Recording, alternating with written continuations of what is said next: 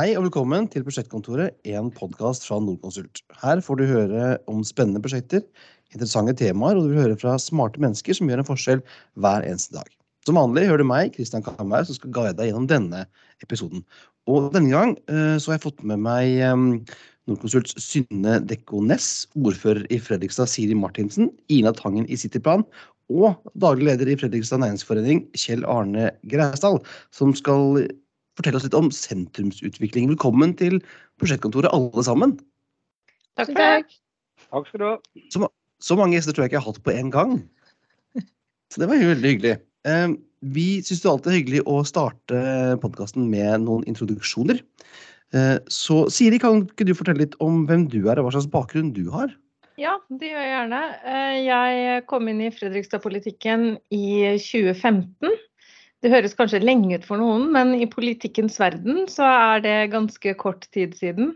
Eh, og i den tida så har jeg da vært leder av oppvekstutvalget min første periode, og så har jeg vært varaordfører. Så har jeg vært ordfører nå da siden oktober, når vi fikk samferdselsministeren fra Fredrikstad. Ellers så har jeg jo også eh, som er relevant her å nevne, er at jeg er leder av Bypakke Nedre Glomma. Og så har jeg en periode bak meg hvor jeg også har vært leder av Jernbaneforum. Og så er det lov å si hvilket parti det representerer, da, for oss som ikke Ja. følger Fredrikstad-politikken så nøye. Jeg kommer fra eh, Fredrikstad, vet du, og her er det Arbeiderpartiet som gjelder. Akkurat, akkurat. Eh, Så fornøyd med dagens regjering, da, med andre ord. Det er jeg, og har store forventninger til det. Så bra. Så bra. Uh, Synne, kan du fortelle litt om deg? Ja, jeg jobber jo nå i Nordkonsult som samfunnsplanlegger.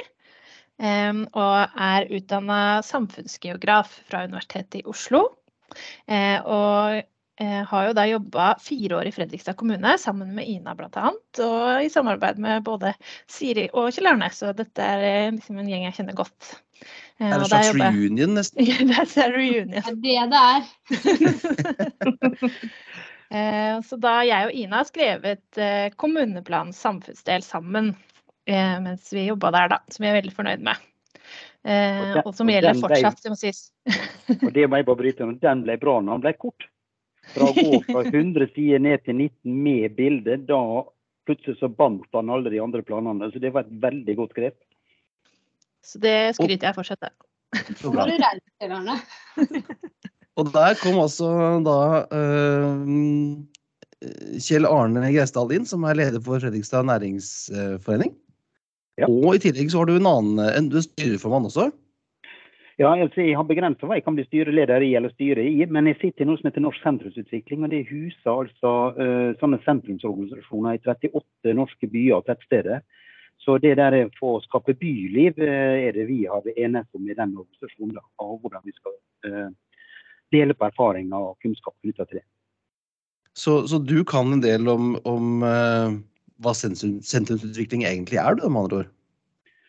jeg kjenner masse folk som kan mye om det, og så stjeler jeg alt jeg kan derifra. Så, eh, og så tror jeg etter hvert det sitter noe også. Så jeg tror vel kanskje at jeg kan bidra innimellom. Eh, kan, eh,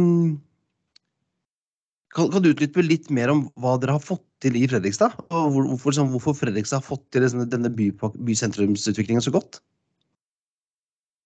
Da regner jeg med spørsmålet går til meg først, som har vært med lengst. Ja, ja, ganske- så kan de andre, andre supplere, tenker jeg. Ja. Ja, altså, Eldstemann her, da vi, vi mobiliserte i rundt 2011-2012. Da uh, hadde det vært et borgerlig flertall som sprika litt for mange retninger. Arbeiderpartiet uh, fikk en veldig stor oppslutning, og det ble en veldig bred mobilisering. Samtidig så valgte næringsforeninga å slå sammen fem næringsorganisasjoner. Og jeg ble da daglig leder i den nye organisasjonen. Og de styret spurte hvor kan vi begynne. Og da sa jeg vi må begynne med byen. Rent sånn strategisk må, så, så må vi reparere byen. For by har veldig mye med identitet å gjøre. Det er liksom selve senteret, origo, i et sted. Og da må den faktisk fungere. Og det er jo noe av det som har vært veldig stort problem i mange byer. Det at byene eh, rett og slett ikke fungerer slik de, eh, de er tenkt å gjøre. Eh, og det gjorde vi mye rundt da. Så det er selve innledninga til det. Hvorfor, hvorfor tenker eh, du, Ine, at eh, Fredrikstad har fått det til så bra? Jeg tenker at det er, eh, Som Kjell Arne var inne på, så er det mange, mange grunner til det. Og jeg tror, eh, som Kjell Arne også så vidt nevnte, så tror jeg det med identitet da, eh, er veldig veldig viktig. Og det er nok der Fredrikstad sentrum på mange måter har lykkes. At byen har fått en litt ny identitet. Uh, og det tror jeg det er veldig mange som er delaktig i at, uh, at det, det, har skjedd. Men for veldig mange folk så er det sånn at hvorvidt du har et velfungerende sentrum eller ikke, det definerer hvorvidt kommunen din er vellykka eller mindre vellykka. Og jeg er jo selv Fredrikstad-jente og har bodd utenbys i en del år. Og jeg opplevde jo at jeg kom tilbake til en annen by. Altså det har skjedd utrolig mye i, i sentrum her. Uh, og vi i Cityplan vi pleier ofte å si at hvis tilbudet i et sentrum er attraktivt nok, så kommer folk uansett. Uh, og jeg tror det er litt det som er nøkkelen. Uh, at man må ha et innholdstilbud da, som er så attraktivt at folk på en måte ønsker å oppsøke, oppsøke sentrum. Og da må man bygge litt stein for stein, og det er jo det jeg føler har blitt gjort i Fredrikstad. Men så har det gått så Det har gått forholdsvis eh, fort, da. Så det har skjedd mange ting samtidig. Det tror jeg også er en forutsetning for å, for å lykkes. Det holder ikke at du eh, får en annen attraktiv eh, restaurant eller butikk på ett hjørne. Det må skje flere ting samtidig. Og det har det gjort over nå en, snart en tiårsperiode da, i Fredrikstad. Hvor det har skjedd mange ting samtidig. Eh, som har på en måte gjort at sentrum har fått en ny, ny identitet og klarer på en måte å stå helt på egne bein. da. Jeg syns dette med samtidighet, eller ikke sånn alt på en gang, men at det må skje mange ting i løpet av kort tid.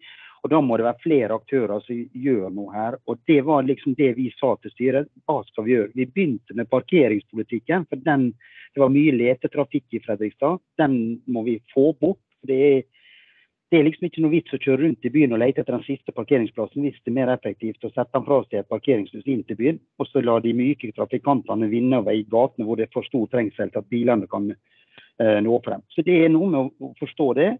Så ville kommunen gå ut med gratis ferge for å stimulere gang- og sykkelveinettet. Og så satte vi inn en sentrumsleder. Vi hengte opp selgere som gjorde at gårdeierne kunne begynne å selge på en annen måte. Og så kom gårdeiere som nå hadde muligheten til å fylle opp lokalene sine, koordinerte det. Var med på et spleiselag, så vi samkjørte oss, ble enige om at nå skal vi løfte. Og det er Alle disse kreftene jeg har snakka om her, det er selve fundamentet. Får ikke du, får ikke du dratt i gang, så klarer ikke du det. Og så er det noe til som jeg syns er viktig. Byene er trengsel, det er fortetting. og de fleste byer har ikke så mye attraktivitet til seg at de klarer å konkurrere for den attraktiviteten i forhold til å bygge utenfor by. Det blir alltid billigere, og så bygger man bilbasert, og så dreneres byen ytterligere. Så byer, norske byer er avhengig av en god bypolitikk. Hvis ikke så øh, dreneres byen, rett og slett. Så det er også viktig. For det er jo ofte det man snakker om at de siste årene har man snakket om, om sentrumsdød, ikke, ikke sentrumsglød. Um, I hvor stor grad liksom må, må, kommunen være i, være i førersetet, Siri, for å få det her til? Jeg har bare lyst til å si én ting som kanskje ikke er nevnt her, og det er det med samarbeid. Det fremkommer jo egentlig veldig godt av samtalen her, for vi bruker hele tiden 'vi'. Eh, og det er ikke å undervurdere da, hvor viktig det samarbeidet er. Eh, Kjell Arne var litt inne på det, hvordan næringsforeningen har organisert seg. Før så var det mange foreninger, og nå har man organisert seg til én forening, én stemme. Det er også en ting som er veldig viktig for sentrum. For at sånn som sentrum er her, så er det mange gårdeiere f.eks. Og det med at det organiseres på en måte å ha én stemme, er veldig viktig. Eh, ellers så vil jo jeg si det med at eh, det som har vært gjort eh, med suksess, mener du da, i Fredrikstad kommune, er at vi hadde en veldig god prosess på samfunnsplanen vår, som er liksom selve ryggraden eh, til hvordan vi tenker eh, framover. ikke sant? Og ryggraden der går jo på at det skal være økonomisk, eh, miljømessig og sosial bærekraft. Eh, og det er jo verdier som vi tok med oss videre når vi rullerte arealplan. Og det å ha en god arealplan det er jo eh, en politisk forutsetning da, for at vi kan ha riktige virkemidler til god utvikling. Eh, og Der mener jeg det har vært gjort noen gode valg nå. Og så vil jeg jo berømme utviklerne her i byen også, fordi eh, altså veldig mange av utviklerne her er jo også eh, ekstra hjerte på byen, i den forstand at man bor i byen og er i byen og går i de samme gatene og kjenner Fredrikstad veldig godt. Eh, og har et hjerte for Fredrikstad, og det jeg mener jeg er en sånn kjempefordel for Fredrikstad. Og når du snakker om arealplan, så kan jeg jo snakke masse om det, men eh, Det kan vi et- alle si. ja. Et annet eksempel som Kjell Arne også var inne på, det var med fargene. For at vi har jo Glomma som renner gjennom byen vår. Og der har vi jo bevisst brukt det som et viktig byrom da, i utviklinga av byen vår. Og det tror jeg har vært helt avgjørende for attraktiviteten her. Og på sjøen er det jo aldri kø.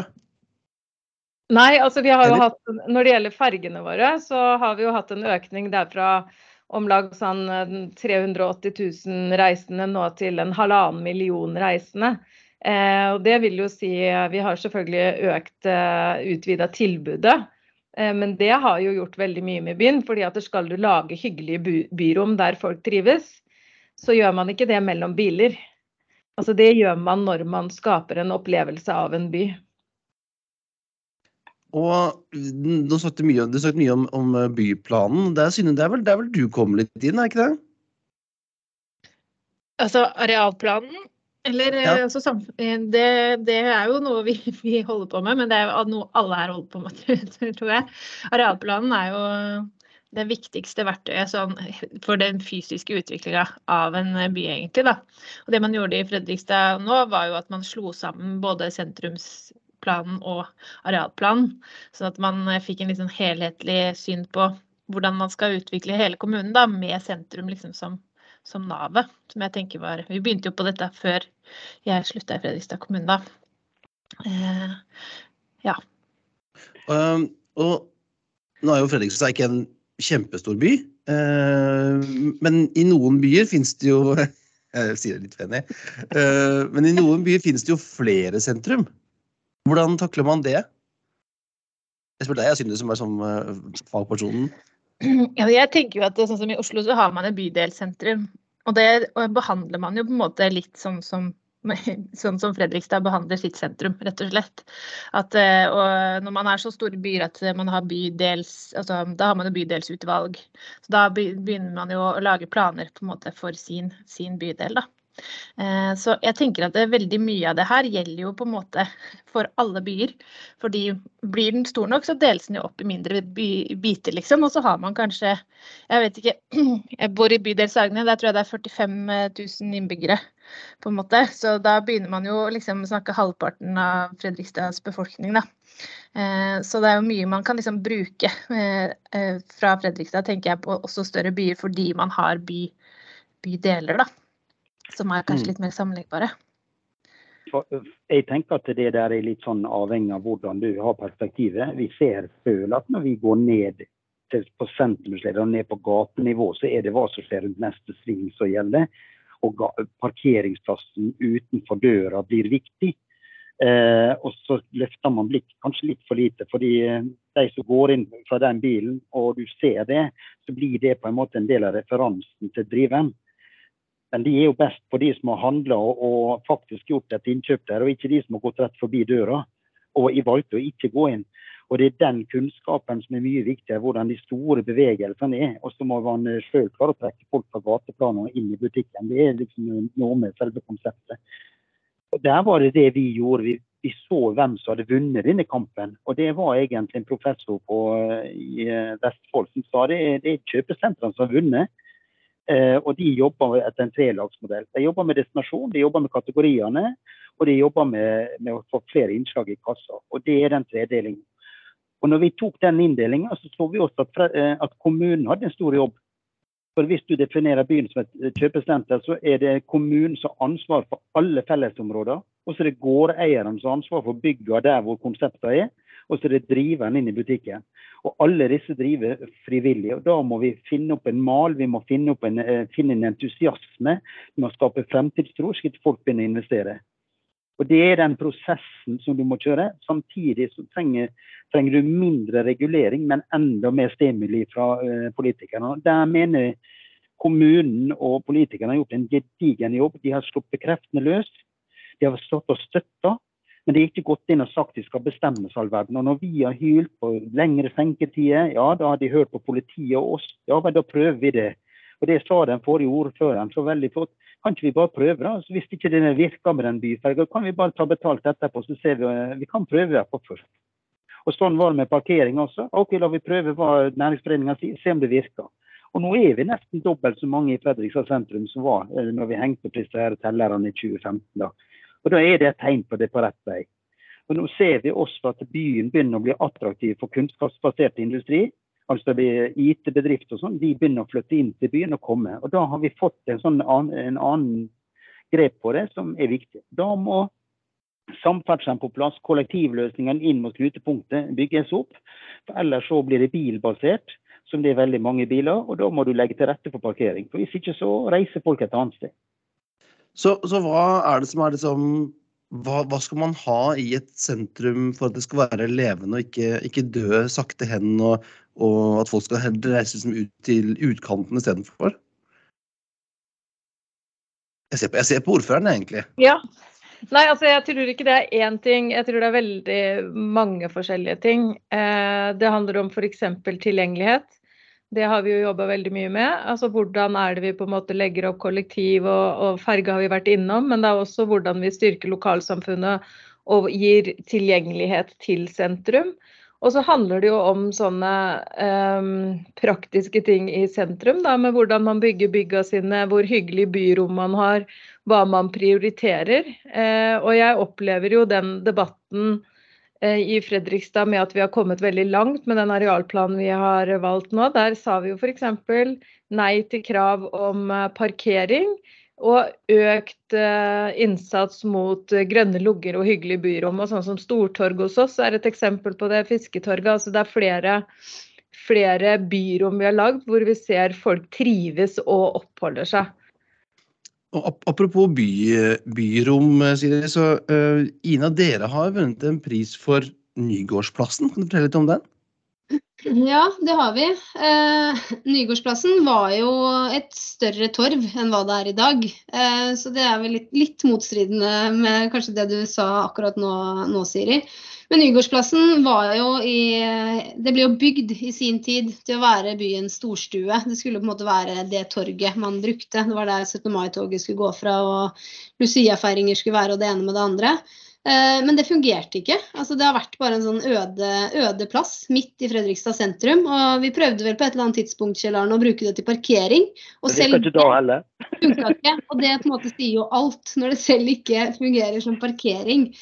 Eh, så det vi gjorde på Nygårdsplassen, eh, det lå en reguleringsplan der som egentlig tilsa at man kunne bygge tak over hele torvet og etablere et handelssenter, egentlig et nytt, nytt kjøpesenter. Eh, men det ble heldigvis eh, ikke gjort. Eh, derimot så ble det vel kanskje den reguleringsplanen i Fredrikstad som fikk flest dispensasjoner. Så der er det jo creds til politikerne og administrasjonen som på en måte valgte å legge til rette for det. da. Men der etablerte man en passasje Eh, som er seks meter bred. Og så bygde man to på en måte bygningsmiljøer på hver side av den, eh, den passasjen. Og i enden av den passasjen så er det på en måte eh, fortsatt et resterende torg. da, Som er mye mindre enn det torget som opprinnelig var der. Men i dag så er det et torg som blir mye brukt. Eh, og tanken med Nygårdsplassen var jo egentlig å skape et miljø som er litt det vi ser etter når vi er ute og reiser. Eh, med litt sånn, eh, ja Vi pleier å kalle det vennlig arkitektur. og det er jo et ord som Cityplan har brukt så mye at jeg så, har til og med sett at det har kommet inn i arealplanen. Så det, det setter vi pris på. Eh, men eh, med liksom koselige og sjarmerende smug og smett og intime plasser. Da. Det er jo på en måte et eh, prosjekt som har, er veldig tufta på det med intimitet. Og at ikke man trenger alltid å ha de store plassene, men at man noen ganger så ønsker vi mennesker å oppsøke bygningskropper som snakker sammen, og, og, ja, og være der andre folk er, da. Og så har det blitt gjort litt på gamlemåten. Eh, prosjektet er jo ikke typisk eh, for sin tid. Det er valgt eh, mm, det er kun brukt tegl, og det er to bygningskropper, men det er delt opp i seks forskjellige fasader. Så det er masse variasjon. Det er mye som skjer når du går der. Og det er kanskje så utypisk at vi til og med vant hedersprisen til arkitekturopprøret. Så det sier vel alt om at det ikke er typisk dagens arkitektur. Eh, men når vi snakker om trafikktall og sånn, da. Så Nygårdsplassen i dag har 300 000 betalende gjester i året. Og før dette prosjektet ble realisert, så tror jeg kanskje tallet var nesten null. Ja. uten at jeg vet akkurat tallet, men det var ikke så veldig mye som skjedde der. Og til sammenligning da, så har jo gamlebyen omtrent 600 000 besøkende gjester i året. Så det har jo på en måte blitt en, en plass uh, midt i Fredrikstad sentrum som, eh, hvor man har bygd sitt, eget, eh, bygd sitt eget miljø. Det er vel det å si at det har jo vært en plass som har gått for å bli kalt dødens plass til lille Brooklyn, og det sier vel sitt. Ja, for du, du var inne på det, uh, Ina, med det med når vi er ute og reiser, så søker vi jo disse litt sånn snø, fine piazzaene i Italia, eller, eller morsomme små byrommene du finner i London, i Notting Hill eller i Carnaby Street og disse stedene. Så det er ingen som ønsker en svær, åpen plass. Altså Rådhusplassen i Oslo er fin, den, men det er jo ikke noe sted som det, det er ikke et sted du har lyst til å være. Nei, og jeg tenker at Der er du inne på noe veldig viktig. Da, og Det er noe vi ofte spiller inn når kommunen rullerer sine planer og vi jobber med prosjekter som vi har. Eh, vi har jo litt den tilnærmingen at eh, det med intimitet da, er litt viktig. At vi må ikke overdrive på en måte størrelsen på, på arealene. Det er heller viktigere at det er flere mindre koselige plasser, og at det hele tiden skjer noe når du beveger deg i en by. Eh, men du har sånn som Stortorvet her. Det blir jo veldig, veldig mye brukt om sommeren. Eh, men resten av året så er det ikke så veldig mye folk der, Siri. Det er lov å si det. Så det er liksom noe med de store Det må ikke bli eh, Jeg tenker at enhver by med, med, respekt for seg selv er nødt til å ha noen store plasser hvor man kan ha konserter og arrangementer. Og, altså en, det trenger en by. Men når man eh, nå skal utvikle nye prosjekter, da, så tenker jeg at man må tørre å utfordre den tanken der, da, med torvdannelser og parker, hvor stort alt skal være. Mm. Eh, det har jeg litt troa på, da, at man må tørre å, tørre å utfordre det og ta, ta de diskusjonene, i hvert fall jeg syns jo litt sånn uh For å få litt sånn perspektiv på ting, da så begynner jeg å bruke å si når du går i skogen, så vil du gjerne være alene. Når du går i by, hvis du er alene, så blir du livredd. Så du, du, vil jo ha litt trengsel. By er per definisjon Du drar til byen hvis du vil ha trengsel. Og så er det disse kjøpesentrene som jeg kan faktisk kalle en handelsfabrikk. Gjennomsnittlig besøkstid under 25 minutter nå. Og det, det, er såpass effektivt at det, en by kan knapt nok konkurrere med et sånt kjøpesenter på de premissene. Så byene må utvikle seg som denne kombinasjonen mellom kommersielle og ikke-kommersielle møteplasser. Og denne opplevelsen, altså Du velger å bruke tida di litt der, og leve der på en annen måte. Enten i form av at du går til og fra jobb, at du gjør din integrert delen i livet. Så byen skal fylle en annen funksjon enn det disse rene kjøpesentrene, som faktisk er en handelsfabrikker. De produserer handel fortest og best mulig. Og det, Der ligger differensiatoren. og det og så har jeg lyst til å si litt, Jeg snakker mye om parkering, for det er over 50% som kjører bil inn til byene. For jeg har ikke Så sa vår første sentrumsleder at jeg tror ingen kjører, kjører for å parkere. Det har noe med det Ina sier. Det må være et tilbud. Det må være noe, en grunn til du skal velge byen fremfor noe annet. da. Det, det, er det, Kjell Arne, det, det, er jo det jeg måte, føler vi har fått til litt i Fredrikstad nå. Vi har på en måte ja. kjøpesenter, og det kommer jo et nytt kjøpesenter i Fredrikstad også. Eh, som har veldig mye retail-handel. Men sentrum har jo begynt å på en måte, ta en rolle som Det er veldig mye bevertning. Eh, og vi i Cityplan vi jobber jo veldig mye med bevertning. Vi utvikler jo våre egne konsepter. Uh, så, så, vi på en måte, og uansett, Du kan si hva du vil med et kjøpesenter, men det er ikke like koselig å sitte på en food court inne på et kjøpesenter som det er å sitte på en uh, koselig restaurant da, i et bysenter eller på en piazza. Uh, det kan ikke sammenlignes. Så der tenker jeg der kommer aldri kjøpesentrene til å vinne. da. Uh, det er noe med det å på en måte la, eh, eller hjelpe til at bysentrum bygger sin egen identitet, og at det er noe annet. Uh, og nå er det jo sånn Hvis du går i Fredrikstad sentrum på en søndag uh, Jeg har hund, så det gjør jeg ofte, og bor ganske sentralt. Det er jo masse folk i, ja. i sentrum. Om klokka er ti på en søndag, så er folk bruk, har begynt å ta i, uh, i, bruk byen som et rekreasjonsområde. Da. Altså Man går tur der. Alt er stengt, bortsett fra kaffesjappa på hjørnet. Men alle butikker og restauranter, ingenting som er åpna ennå, men man går der, man bruker byen. Og det tror jeg handler mye om arkitekturen og eh, at det begynner å bli fine ting å se på, da. Men samtidig så er en by det kan godt ha en god del handel, men for det 80 av det atferden vår er impuls når vi handler eh, utenom dagligvarer. Så det, det, er veldig mye du kan dra ved at du drar folk inn til byen. Derfor så er, så må du ha aktiviteter. Du må ha en politikk som stimulerer til tilgjengelighet og til at man lager disse her kommersielle, ikke-kommersielle plassene. Og der har vi et eksempel Siri, som vi har diskutert veldig ofte. Skjenkebevilgninger krever at du skal ha en sånn tydelig avgrensning. og så har Vi fra gammelt av hatt et gjerde vi setter om, og så setter folk eh, stolene inn mot eh, skjenkestedet istedenfor ut mot gata. Og så får du en motsatt effekt. Du får nesten en privatisering av det offentlige rom. Istedenfor den sømløse overgangen mellom her og det kommersielt, her kan du sitte og ta et glass vin, og sitte og se på de som går forbi og sier hei og ha det og alt det der som er et lokalsamfunn verdig. da. Så der mener vi skal snu stolene, gjøre ting, henvende oss ut, få bort barrierene så langt det lar seg gjøre. Fordi det er det vi egentlig vil dra til byen for å se og bli sett. Og så, eh, og så vil vi oppholde oss på den gode følelsen. Og det gjør ikke du med med tøyduker og eh, stålrammeverk og faststoler. Det har vi heldigvis ikke så mange igjen av, men ja. Det kan jeg jo si. Ja. ja. det kan jeg jo si at jeg har sett eh, både gode og dårlige eksempler på de inngjerdingene. Eh, men det kan jeg jo si at det er jo en av de vanskeligste tingene vi gjør i politikken når det gjelder byutvikling. Hva er pent og hva er stygt? Eh, der er det trolig like mange meninger som det er folk. Eh, og det er jo selvfølgelig en veldig balansegang. Og det er jo veldig spennende å se på fremtiden i Fredrikstad når det skjer en så enorm utvikling som det gjør her. Og bare for å gi et lite eksempel på det, altså Verstområdet hos oss er jo nå helt i startgropa til å utvikle en helt ny bydel hvor det skal romme 20 000 mennesker. Altså det er ti ganger Aker Brygge. Eh, og hva som er stygt og pent. Altså, det er en vanskelig politisk debatt. Eh, og det, det, er en utfordring som er når du utvikler byen så fort på så kort tid. Men det skal vel strengt tatt ikke politikerne ha noe mening om, skal de det, Siri? Nei, og det har vi jo sagt veldig mange ganger da, men jeg skal love deg det er mange meninger. Det er da man skal høre på fagfolkene. vet du. Men ja. uh, Siri, du som er politiker. Uh, hvis du skulle fortelle dine ordførerkolleger rundt omkring i, i Norge mm. om hva som er de viktigste suksessfaktorene for et glødende bysentrum, hva ville du ha sagt da? Mm. Ja, altså, jeg skal vakte meg vel for å være liksom veldig bombastisk på hva det skal være. fordi jeg tror at utgangspunktet for å kunne utvikle din egen by, det er å kjenne den godt. Og ta utgangspunkt i det byen er.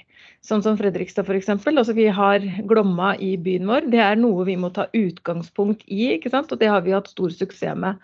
Eh, hvis jeg skal si noe generelt, eh, så er det litt det jeg starta med. altså Samarbeid er utrolig viktig. Eh, for det er klart det at det som politiker, hvis du skal samarbeide med én næringsforening, er mye enklere enn å snakke med 100 gårdeiere, for å si det sånn. og Da får du heller ikke noe kraft bak det du skal gjøre hvis ikke du har et godt samarbeid som ligger i bånn. Og så handler det om for oss å ha godt planverk, som er eh, samfunnsplan og en god arealplan. Det jeg vil si om arealplan, at når vi rullerte den nå sist, så hadde ikke den vært rullert på ti år. Og det kan jeg gi som et veldig godt råd. Altså, verden går fortere enn det. Så man er helt avhengig av å ha jevnlige rulleringer. Men da er man helt avhengig av også gode politikere som forstår at dette handler om eh, forutsigbarhet også for eh, næringslivet. Så at eh, hvordan man rullerer, det handler jo om at man skal justere til det bedre og i takt med den tida man er.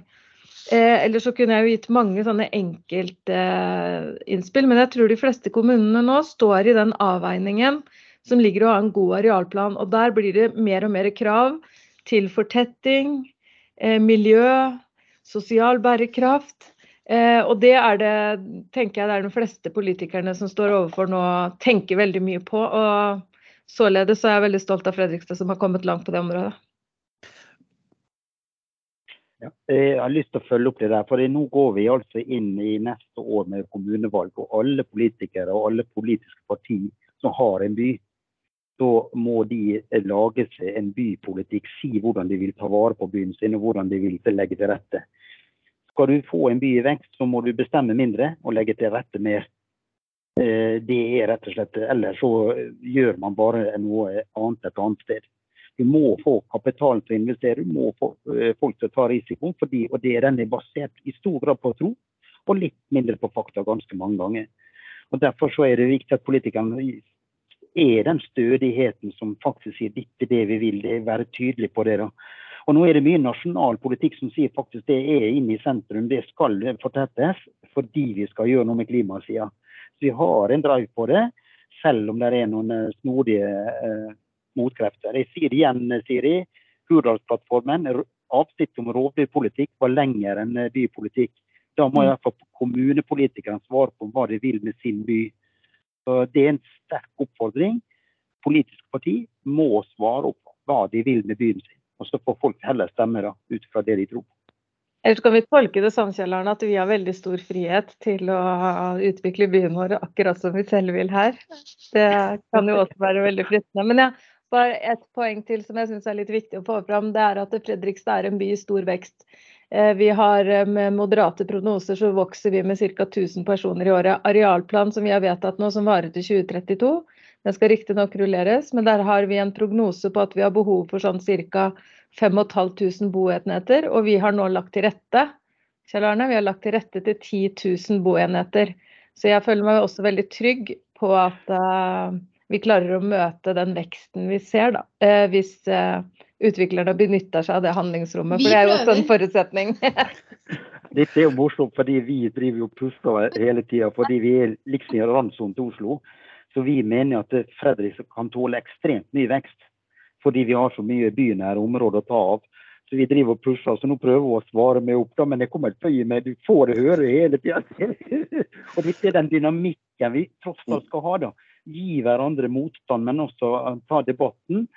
Eh, men i sum da, så syns jeg samtlige partier i, i Fredrikstad står veldig unisont fast og sammen om økt mobilitet. Bygg eh, byen på en god måte. Vi har utrolig store transformasjonsområder. Denne byen kommer til å bli flere ganger stor som den har vært. Og den muligheten må vi bygge, for vi vet at størrelse på by det har en tiltrekningskraft på seg. Så Fredrikstad er nok en unik situasjon til å spille, komme seg opp i en divisjon høyere i by, bylandskapet enn mange andre byer. Men den må vi også ta oss. Og Synne, du, du som fagperson. Um, det er jo mange byer, byområder, uh, i den størrelsen som Fredrikstad er i Norge. Og, og de sliter mye av de samme utfordringene. Hvordan, uh, hvordan skal de ta tak i det?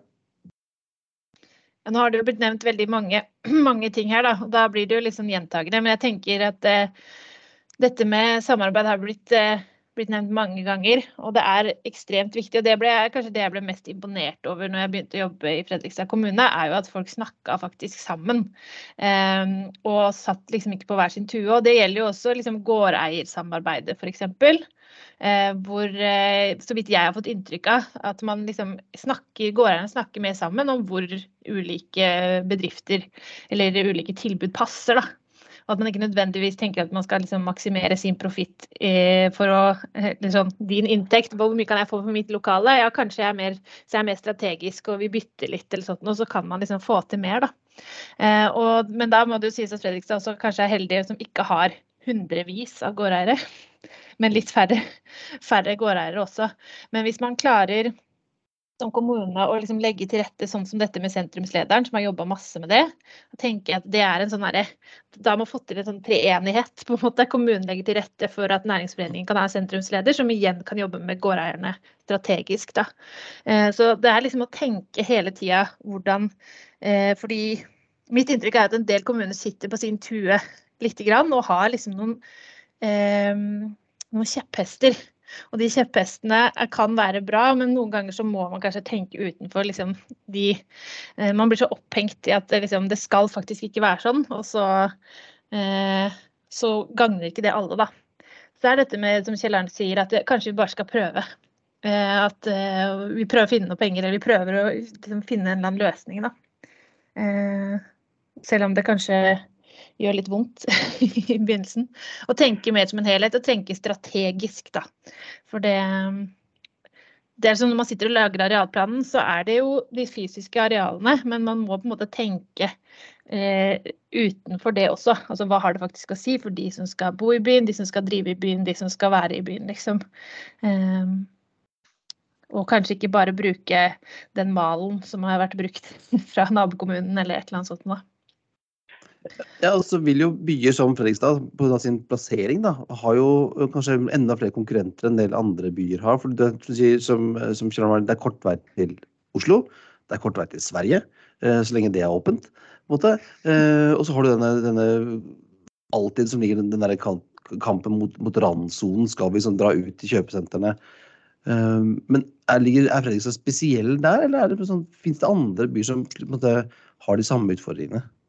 Eh, Kristiansand og Ålesund er vel kanskje de som har vært flinkest til å bygge kjøpesentre sammen med Sarpsborg og Fredrikstad. Så vi, vi, der er vi gode sånn opp åra. Så jeg har bare lyst til å si dette her siden du snakker om å samarbeide. Men jeg, jeg bruker å si noen ganger at det er tre måter å snakke på. Det å snakke om, det er ganske Og det er å snakke om, og så er det å snakke til, og så er det å snakke med. Og Det er det siste du må tilstrebe, det er da du får resultater. Så lenge du snakker om og til, da er det fortsatt ganske sånn stor avstand. Så Det, liksom, det må man kjenne på sjøl hvor byen befinner seg. da. Så det, jeg hører her nå, er at uh, det kan ha så mange byplanleggere og samfunnsgeografer og politikere som, uh, som bare vil, men uh, dere trenger noen gode kommunikatører. Det er det du sier. For å kunne samarbeide og, snakke, snakke, sammen. Men det er, godt, det er, godt, å høre. Det er godt at mitt, mitt fagfelt også er i, i etterspørsel, så det er bra.